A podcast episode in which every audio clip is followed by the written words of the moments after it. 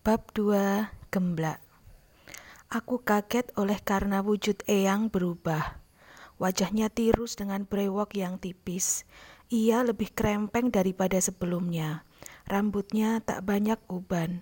Sejenak aku bertanya, namun takut mengganggu semedinya. Aku edarkan pandanganku, tak ada yang berubah dengan sanggar pemujaan ini. Aku melangkah keluar. Semua sama Rumah joglo yang luas memang sepertinya kayunya lebih pucat.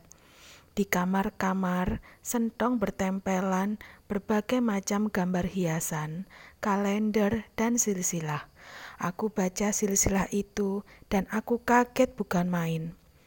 Terbaca beberapa jalur ke samping dan deret ke bawah.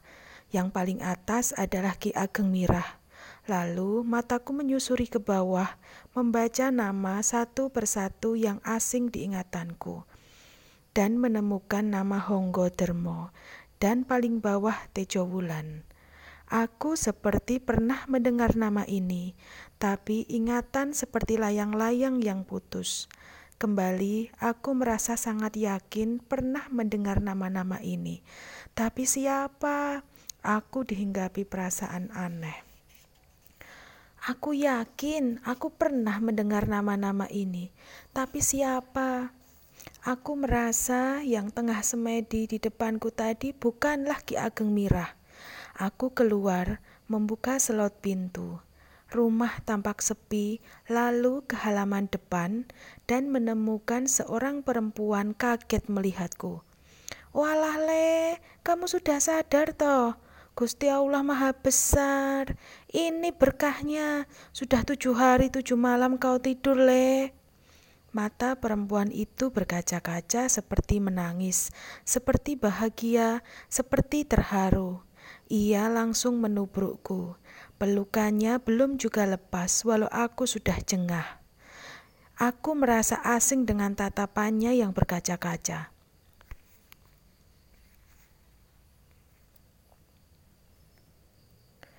Kau pasti bingung sedang berada di mana. Bapakmu itu menemukanmu tersangkut di akar pohon kamboja di belakang sungai. Untung arus tak menyeretmu lebih jauh. Jika tubuhmu terhanyut sampai kali tempuran, kau pasti sudah mati. Buaya putih itu pasti sudah menelanmu. Aku bingung dengan pernyataan itu. Terlalu susah aku mengingat apa yang terjadi. Kau diturunkan Gusti untuk menemani kami yang kesepian, Le. Bawa ke sini dia. Tiba-tiba terdengar suara keras dari belakang. Ya, Pak Ne. Perempuan itu menjawab dengan wajah sedikit takut. Segera aku digandeng menuju rumah joglo lagi. Kami duduk di kursi yang mepet dengan sentong. Posisi kursi itu ini persis seperti posisi kursi Ki Ageng Mirah, namun kursinya telah berbeda. Sekarang tampak lebih bagus. Aku duduk di kursi panjang, lalu kakiku diselonjorkan. Eyang duduk di belakangku, lalu tiba-tiba ada tekanan di punggungku, diikuti hentakan tengkuk kepalaku. Kudukku, mataku jadi gelap. Ada bau wangi terhirup hidungku. Minum dulu. Suara berat kembali terdengar. Mataku masih samar-samar melihat sekeliling ruangan. Tapi sesuatu telah menyenggol mulutku, dan air mengalir melalui bibirku, lalu membasahi kerongkongan. Sebentar lagi kau pasti sadar dan merasa sudah baikan. Bayangan-bayangan yang tadi samar sudah nampak semakin jelas. Eyang ada di hadapanku, Eyang putri di sampingku. Tangannya menggenggam gelas dengan air yang tinggal sedikit. Di dasar gelas, kulihat ada botol kembang. Berarti itu adalah air kembang yang aku minum tadi. Aku jadi ingat terakhir kali ketika hendak menolong adikku di sungai, aku tersedot pusaran arus itu. Dan bukankah aku ketika itu tinggal dengan Ki Ageng Mirah? Sekarang di mana dia? Hatiku hendak bertanya pada orang tua di depanku, namun lidahku gelu dan beku, mulutku terkunci. Perasaanku galau. Kenyataan hidupku seperti bayang-bayang semu yang melemparku ke mana saja. Aku gamang dan tak yakin akan alur hidupku. Kenyataan sama halnya mimpi menjadi seperti terjadi. Segala yang nyata berlalu serupa mimpi. Kenyataan pecah menjadi rekahan-rekahan kecil dalam selubung benak banyak yang tertanggal dan amat sedikit yang tersisa, bahkan sering kali terlupa. Sebenarnya, seperti apakah bentuk kenyataan itu? Semua yang ada di sini persis seperti di rumah Ki Ageng Mirah, kecuali orang-orangnya dan sungai di belakang rumah. Airnya sudah keruh dan tak jernih lagi, dan tampak sangat dangkal. Dulu kedalamannya lebih tinggi daripada orang dewasa, sehingga mereka bisa tenggelam. Sekarang hanya dalam kepalaku. Dan sekarang tuan rumah ini adalah Tejo Bulan. Dari celotehan para tetangga, Eyang termasuk warok terpandang. Selain kebal senjata tajam, ia juga lihai bermain kucingan dan memanggul dua reok sekaligus. Saat negeri ini nanti merdeka, atraksi yang tak masuk akal ini ber beberapa kali ia pertunjukkan saat hari besar satu suro di alun-alun kabupaten. Kabarnya, ia juga seorang patriot, di mana dulu pernah membumi, membumi hanguskan sepeleton tentara Belanda yang coba menduduki Sumoroto. Dalam sejarah, Kademangan Sumoroto tak pernah bisa ditundukkan oleh Belanda, sehingga beratus-ratus tahun kemudian hingga kemudian Republik ini merdeka. Tak hanya itu, Eyang bersama kawan-kawannya pernah menghancurkan pabrik tebu, namun kehebatannya itu juga menyisakan pilu di hatinya. Istri dan bakal anaknya pergi tak pernah kembali. Demikian cerita yang aku dengar dari beberapa mulut muridnya. Kampung Kapak Patik Semi melemparkan pandangannya pada sawah yang membentang. Jauh, jauh sekali. Matanya hanya menangkap terik yang meranggas dan burung-burung emprit yang berterbangan. Bulir-bulir padi telah kopos, tanahnya nelo, pecah-pecah dan kerontang. Hatinya ingin menjadi burung empret itu saja yang lebih tahan menghadapi cuaca buruk. Kering kerontang kemarau panjang tak membuatnya lelah dan berpatah arang. Semi sudah terbiasa dengan rasa lapar yang tiap hari menyinggahi perutnya yang keroncongan. Namun, hatinya tak tahan jika janin dalam perutnya tak makan. Kini ia merasa bakal anaknya telah begitu lemas di dalam rahimnya, karena sejak semalam perutnya hanya kemasukan air sebatok dan sepotong ketela rebus. Terbukti janin itu tak bergerak-gerak dalam perutnya. Memang cuma itu yang bisa ia makan. Sejak padinya puso, Nyaris tak ada lagi yang bisa dimakan selain ketela. Sementara itu, persediaan ketela sendiri makin tipis, jagung tak bisa tumbuh, sumber air sudah demikian jauh melesap ke dalam bumi.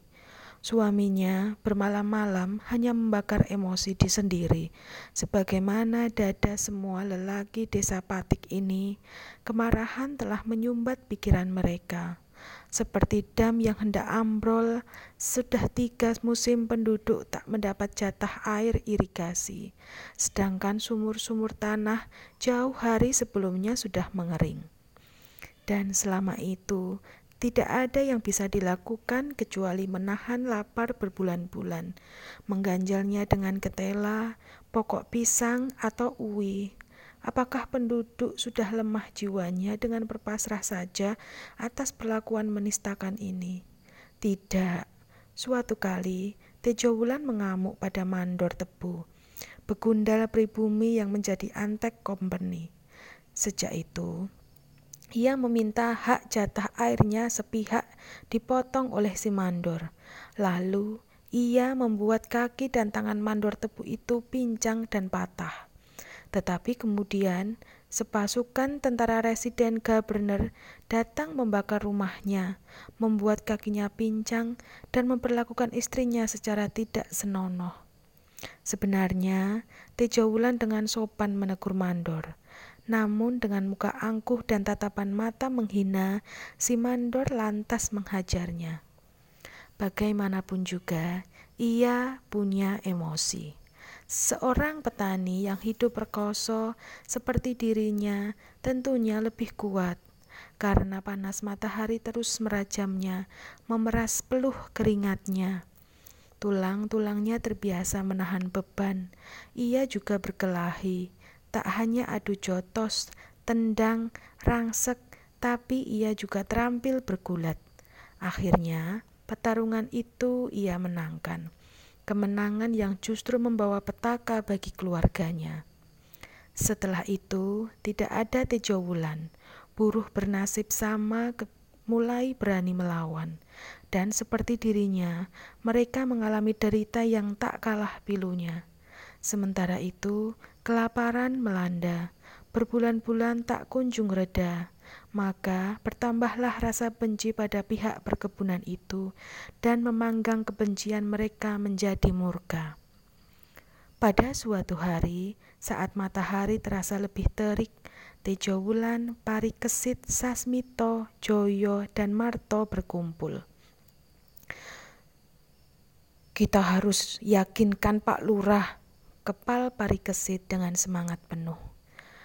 Apa yang kita yakinkan pada orang bingung seperti itu? Mencela-mencle, Tejo Wulan menangkas. Bahwa kita sudah tidak tahan, tambah Marto. Bagaimanapun juga, kita harus hati-hati, termasuk menyampaikan ide ini pada Pak Lurah. Aku curiga ia cenderung pada pihak musuh. Ia sepertinya telah disuap, ucap Sasmito sambil menyedot rokok kelobotnya. Aku tak sabar membakar pabrik itu dan mencongkel mata mandornya, seru Tejo. Congkel pakai apa, Jo?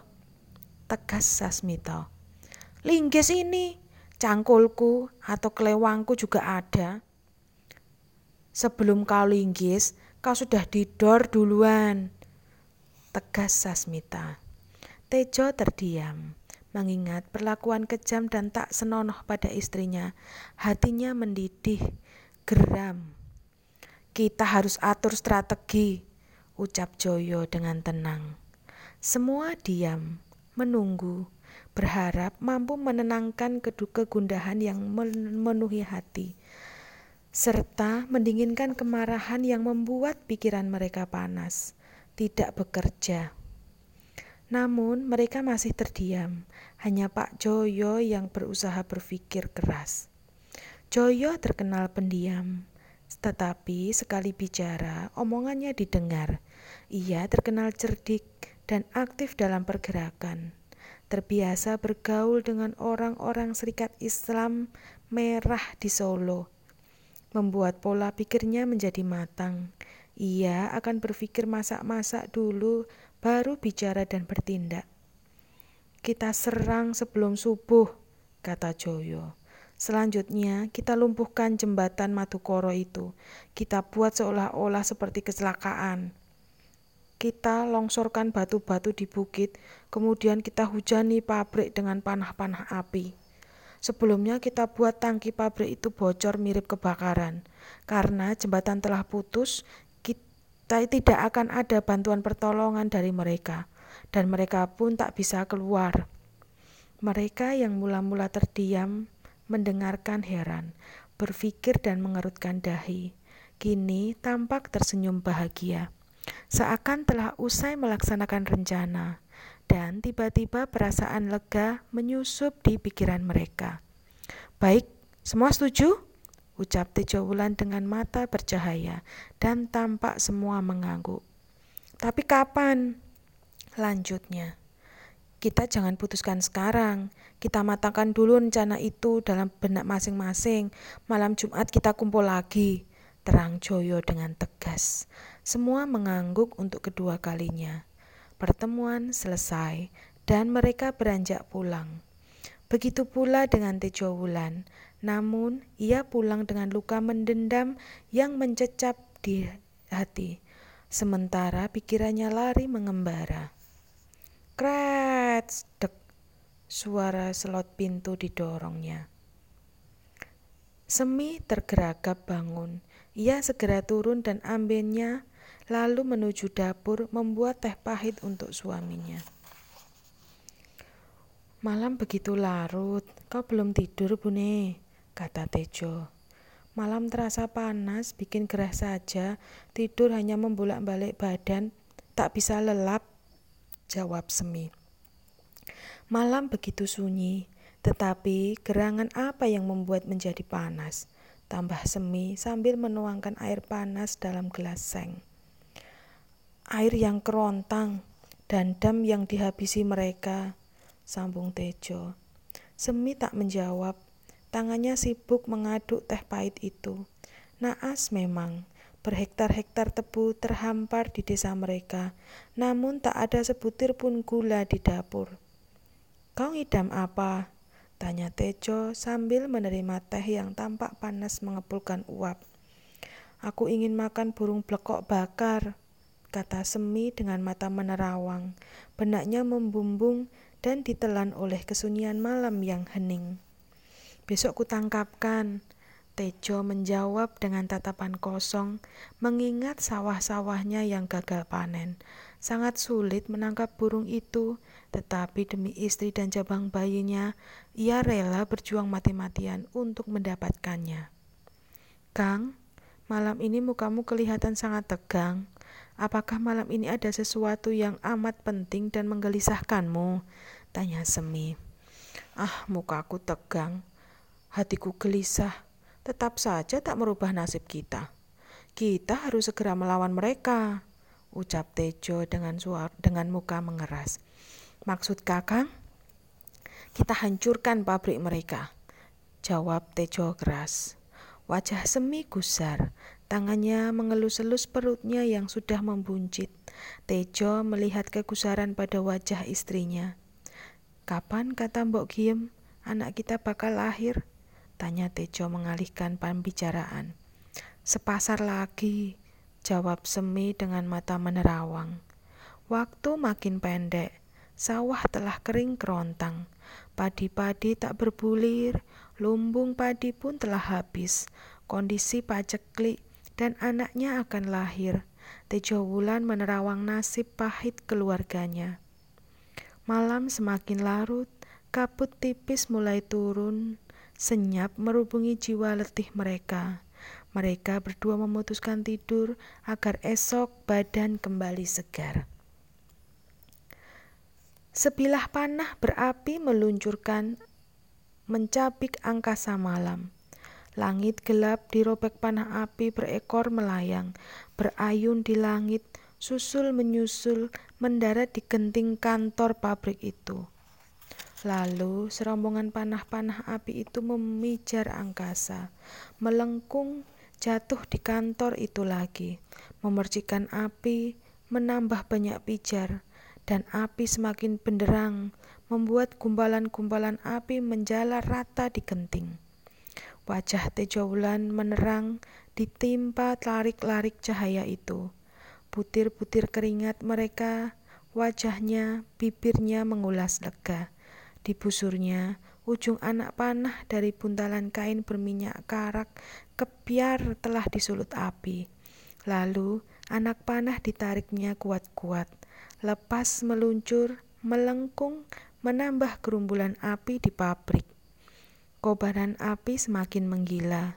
Puncak-puncaknya menjelati langit malam. Kian menjulang dengan lidah-lidah kecil yang berlompatan dan menjalar, menghanguskan seluruh bangunan itu.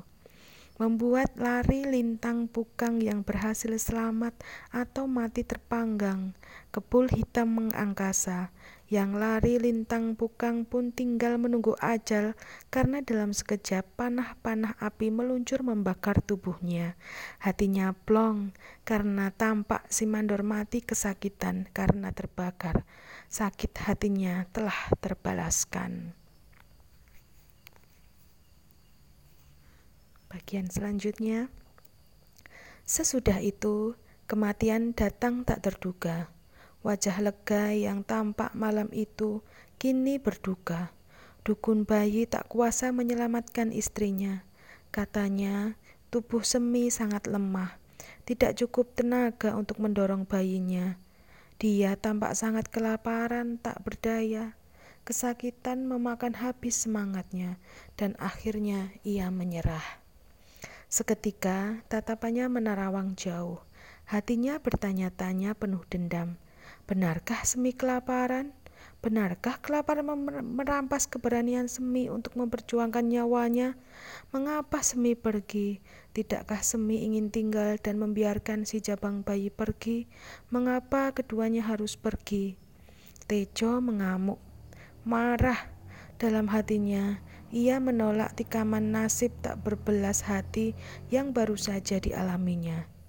Ia ingin pergi jauh-jauh melepaskan nestapa hatinya, jauh, jauh berkelana, meninggalkan tempat yang membangkitkan kenangan nestapa akan istrinya. Akhirnya, ia memilih lakunya. Beberapa dari satu tempat ke tempat lain, berguru dari satu warok ke warok lain, beritual dari satu eyang bau rekso ke bau rekso lain, berjuang menguasai apa yang disebut dengan roh kemusakan sejati, jalan kemanusiaan yang sejati. Di kemudian hari, ia dikenal sebagai Warok Tejo yang disegani. Selanjutnya, ia memutuskan menghapus kenangan tentang Semi, istri tercintanya. Ia mempersunting Nyai Tejo dan tinggal di rumah ini rumah leluhurnya Ki Ageng Mirah. Di sinilah sekarang aku berada dengan seorang murid yang bercerita tentang hidup Eyang Tejo. Oke, masih di bab yang sama, tapi sudah berbeda bagian. Di pihak lain, Nyi Tejo adalah orang yang sangat baik hati. Melihatnya bersama Sang Warok Tejo mengingatkanku pada Ki Ageng Mirah dan Nyi Ageng Mirah. Pada mereka, aku berhutang budi karena mereka menyayangi dan memperlakukanku secara istimewa, sangat tulus. Sikap itu muncul karena mereka tidak mempunyai anak, sehingga aku begitu dimanjakan seperti anak mereka sendiri. Sungguh pun demikian, Ki Ageng Mirah dan Eyang Tejo memberikan rasa tentram yang berbeda bila aku tidak lagi merasa tentram berada di dekat mereka. Alasannya berbeda. Perasaanku hambar ketika di rumah Ki Ageng Mirah, sedangkan di rumah Eyang Tejo, rasa tentram itu musnah. Hilang seketika saat Eyang Tejo menunjukkan hasratnya padaku. Peristiwa itu terjadi sekitar tiga bulan lalu. Aku berada di sini. Malam hari, saat aku berada di kamar karena mataku yang tergantung kantuk. Tiba-tiba seseorang memeluk tubuhku dari belakang, dan ketika aku tersadar, alangkah kagetnya. Ternyata Eyang Tejo merangkulku dengan napas memburu. Aku merinding dan ketakutan dibuatnya. Ketika aku diam, karena perasaan takut yang sangat melandaku. Keganjilan-keganjilan berangsur dilakukan Eyang, mulai dari tangan kirinya yang melus-elus bibirku, lalu tangan kanannya merayapi paha dan menjamahi kelaminku. Di kemudian hari, rasa takut itu menghantui dan membuatku jatuh dalam perasaan ganjil yang sangat dalam. Setiap malam, perasaan ganjil mendatangiku Syair yang dulu pernah ditiupkan di kepalaku berdengung-dengung. Namun aku tak pernah tahu makna dan untuk apa syair itu. Lambat laun, hari-hari yang kulalui tak seperti bocah lain. Bila bocah lain dapat bebas bermain di mana saja dan kapan saja, aku tak bisa seperti mereka lagi.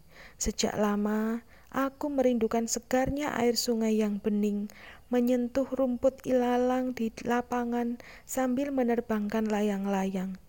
Tanganku sudah gatal bermain gundu, kakiku juga tak tahan ingin bermain petak umpet, berburu jangkrik, lalu mengadunya. Aku juga ingin memasang jebakan burung di sawah, membendung aliran sungai, atau memerangkap ikan. Aku ingin semua itu, tapi tidak bisa. Aku terkurung di benteng rumah ini. Lagi pula, aku tidak mempunyai kesempatan untuk keluar. Tepatnya karena aku merasa takut. Aku hanya keluar ketika Eyang mengajakku.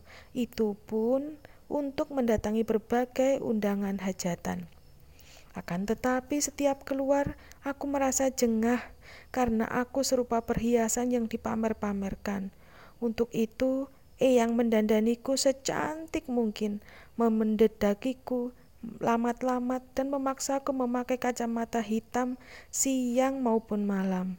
Eyang memilihkanku jas model buka dengan celana hitam, meletakkan sapu tangan sutra merah di saku, atas jas dan rantai jam menjuntai dari saku, sedangkan kakiku beralaskan jeripu atau selop. Rasanya risih menggunakan semua itu.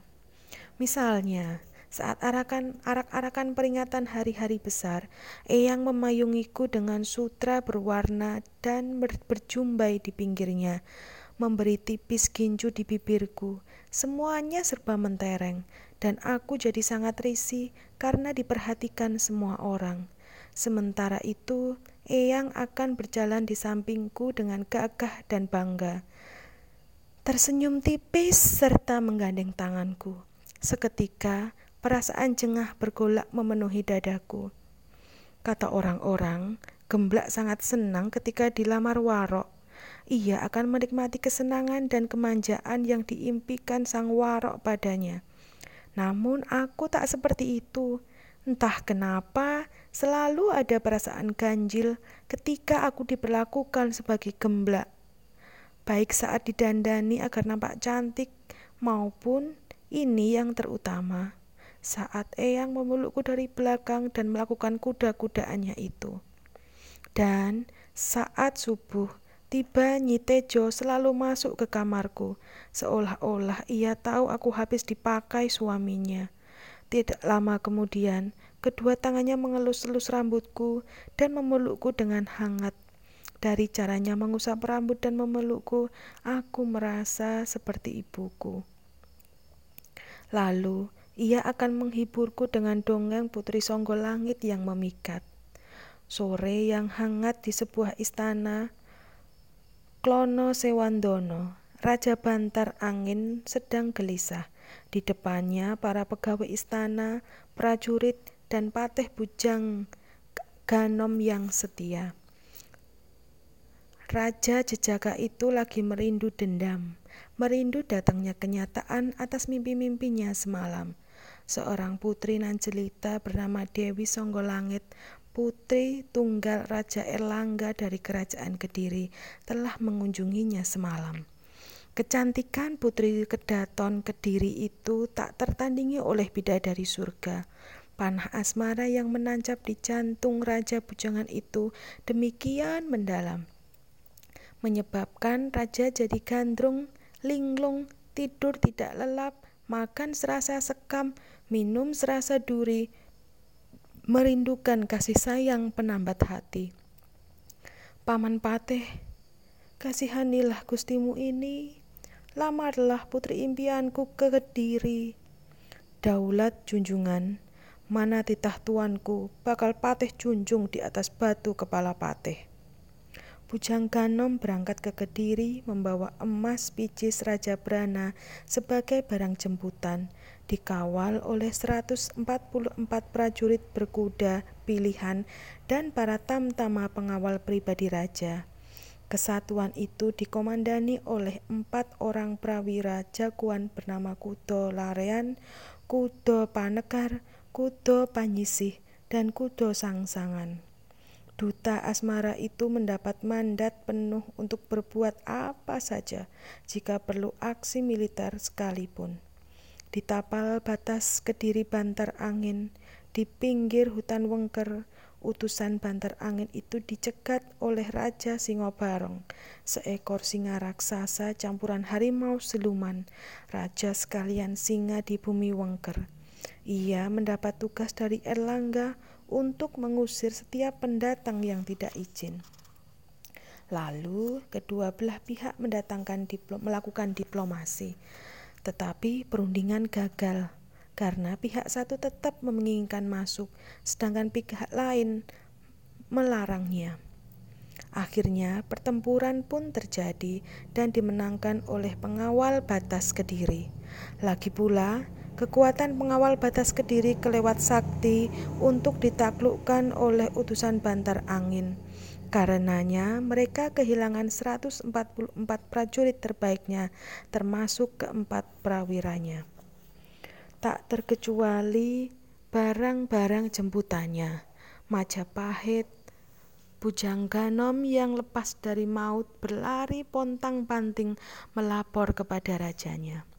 Sejuta ampun tuanku, kami disapu bersih oleh prajurit Kediri. 144 anggota kavaleri yang tuanku percayakan pada Patih habis dilahap singa barong. Hamba serahkan mati hidup hamba ke petangan tuanku. Karena Patih yang tua ini tak sanggup melawan orang Kediri itu. Bangsat, minggirlah paman. Dewata Raya rupanya menitahkan aku sendiri yang turun tangan mempersunting Dewi impianku. Minggirlah paman, hutang nyawa bayar nyawa. Akan kuhabisi bedebah kediri itu. Selamat tinggal, kutitipkan istana ini pada paman. Jaga baik-baik. Selamat jalan tuanku, semoga Dewata Raya menyertai Tuhanku. Untuk mempersingkat waktu, ditempuhlah jalan dari Gua Bedali hingga Gua Selomangleng di Gunung Klotok Kediri. Maka tibalah Raja Bantar Angin di, di tapal batas. Dengan marah, Raja Jejaka itu mengambil cemeti pusakanya, anugerah dewa yang bernama Cemeti Samandiman. Ia menghantam bumi dan laksana pecut melesat ke udara mencari singa barong. Seketika, singa barong keluar bersama para pengawalnya. Harimau berjumlah delapan. Mereka bersembilan dikenal dengan nama Sabto Singo.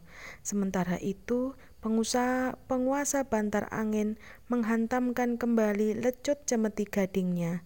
Terdengar gelegar dahsyat diiringi kilatan petir luar biasa menakutkan silih berganti. Siapa pun yang melihat dan mendengarnya dapat memastikan tak ada seorang pun yang mampu melepas dari deritanya. Para pengawal yang semula menjaganya lari tunggang langgang menyelamatkan diri dan memutuskan untuk mundur dari pertarungan, bersembunyi di antara semak yang tak jauh dari medan pertempuran. Namun tidak demikian dengan singa barong. Ia menunjukkan kesaktiannya, mengubah fisik tubuhnya menjadi manusia gagah perkasa, lantas kembali menjadi singa, menjadi manusia, singa, berganti terus-menerus.